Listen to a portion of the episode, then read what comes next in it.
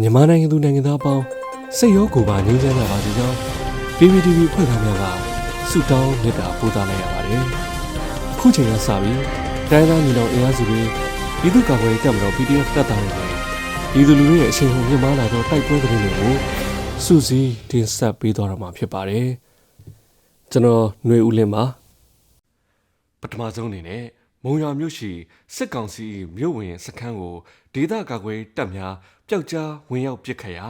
စစ်သား6ဦးထံမှတေဆုံးတဲ့တဲ့ရင်ကိုတင်ဆက်ပါမယ်။စကိုင်းတိုင်းမုံရွာမြို့နယ်မုံရွာမန္တလေးကားလမ်းပေါ်ရှိအချမ်းဖတ်စစ်ကောင်စီတပ်ဖွဲ့များတပ်ဆွဲရာမြို့ဝင်ဂိတ်စခန်းကိုဒေသကာကွယ်တပ်များကယနေ့ဩဂုတ်လ15ရက်နေ့နနက်2နာရီခန့်တွင်လက်နက်ကြီးလက်နက်ငယ်များဖြင့်ပျောက်ကြားဝင်ရောက်ပစ်ခတ်ရာစစ်သား6ဦးထံမှတေဆုံးကြောင်းသတင်းရရှိပါသည်။ 45မိနစ်ဝန်းကျင်အပြန်အလှန်ပစ်ခတ်မှုဖြစ်ပြီးအကြမ်းဖက်စစ်ကောင်စီဘက်မှ40မမအပောင်ဝင်လက်နက်ကြီးလက်နက်ငယ်များဖြင့်ပြန်လည်ပစ်ခတ်ခဲ့ကြောင်းဒေသကာကွယ်တပ်များအထိခိုက်မရှိစုခွာနိုင်ခဲ့ကြောင်းသိရှိရပါတယ်ဆလဘီကော့ဂရိမြို့ပေါ်ရဲစခန်းကိုဝင်ရောက်ပစ်ခတ်မှုဖြစ်ပွားပြီးအပြန်အလှန်ပစ်ခတ်တဲ့တဲ့ရင်ကိုတင်ဆက်ပါပါ။ ကရင်ပြည်နယ်ကော့ဂရိတ်မြို့ပေါ်ရှိကော့ဂရိတ်ရဲစခန်းကိုယနေ့နနက်ပိုင်းတွင်ဝင်ရောက်ပစ်ခတ်မှုဖြစ်ပွားပြီးအပြန်အလှန်ပစ်ခတ်မှုများဖြင့်တိုက်ပွဲဖြစ်ပွားကြောင်းဒေသခံများထံမှသိရှိရပါသည်။အောက်ဂလာ15ရက်နေ့နနက်10:00နာရီခွဲအချိန်ဝန်းကျင်ကော့ဂရိတ်မြို့ပေါ်ရဲစခန်းကိုဝင်ရောက်ပစ်ခတ်ခဲ့ခြင်းဖြစ်ပြီးအပြန်အလှန်ပစ်ခတ်မှုဖြစ်ပွားကြောင်းပစ်ခတ်မှုသည်15မိနစ်ဝန်းကျင်ကြာမြင့်ပြီးလက်တလုံးငြိမ်သက်နေကြောင်းစစ်တပ်ကကော့ဂရိတ်မြို့ပေါ်တောင်ပေါ်ကျောင်းနေရာများပါဝင် နေရာအနှံ့အပြားတွင်လမ်းများပိတ်ဆို့၍တင်းတင်းကြပ်ကြပ်စစ်ဆေးမှုများလှုပ်ဆောင်နေကြောင်းဒေသခံတို့ကပြောဆိုပါတယ်။ကရင်ပြည်နယ်ကော့ဂရိတ်မြို့နယ်သည် KNU ဩဇာလွှမ်းမိုးဒေသဖြစ်ပြီးမြို့ပေါ်မှလွှဲ၍ကြံနေရာများအလုံးတွင် KNL ကထိန်းချုပ်ထားသောဒေသလည်းဖြစ်ပါတယ်။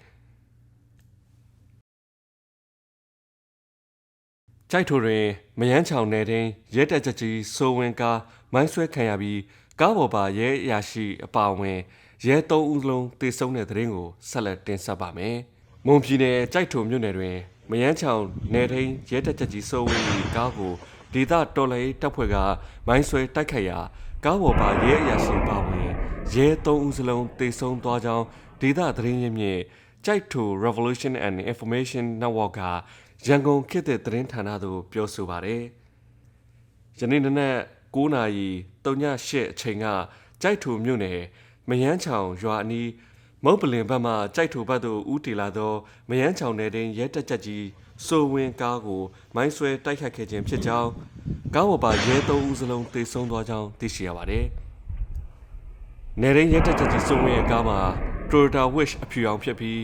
ကားတွေနယ်ရင်းရဲစိုးဝင်းရဲရာရှိတယောက်နဲ့ရဲတပ်သားတယောက်အတူပါလာကြောင်း မိုင်းဆွဲမှုကြောင့်ကားပျက်စီးခဲ့ပြီး၃ဦးစလုံးသေဆုံးသွားကြောင်းသိရှိရပါတယ်။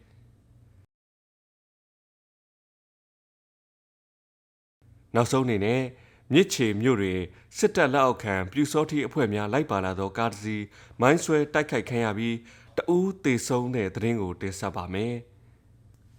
မကွေးတိုင်းမြစ်ချင်မြို့တိန်တော်ရွာအနီးမှာစက္ကဝါသို့ထွက်ခွာလာသောအကြမ်းဖက်စစ်တပ်လက်အောက်ခံပြူစောတိအဖွဲ့များလိုက်ပါလာသောကားတစ်စီးကိုဩဂတ်လ17ရက်နေ့မွန်းလွဲ2:30မိနစ်တွင်ပခုတ်ကူမြို့နယ်ပြည်သူ့ကာကွယ်တပ်ဖွဲ့မှမိုင်းဆွဲတိုက်ခတ်ခဲ့ပြီးပြူစောတိတအူသေဆုံးကြောင်း PPDF တပ်ဖွဲ့ထံမှသိရပါဗျ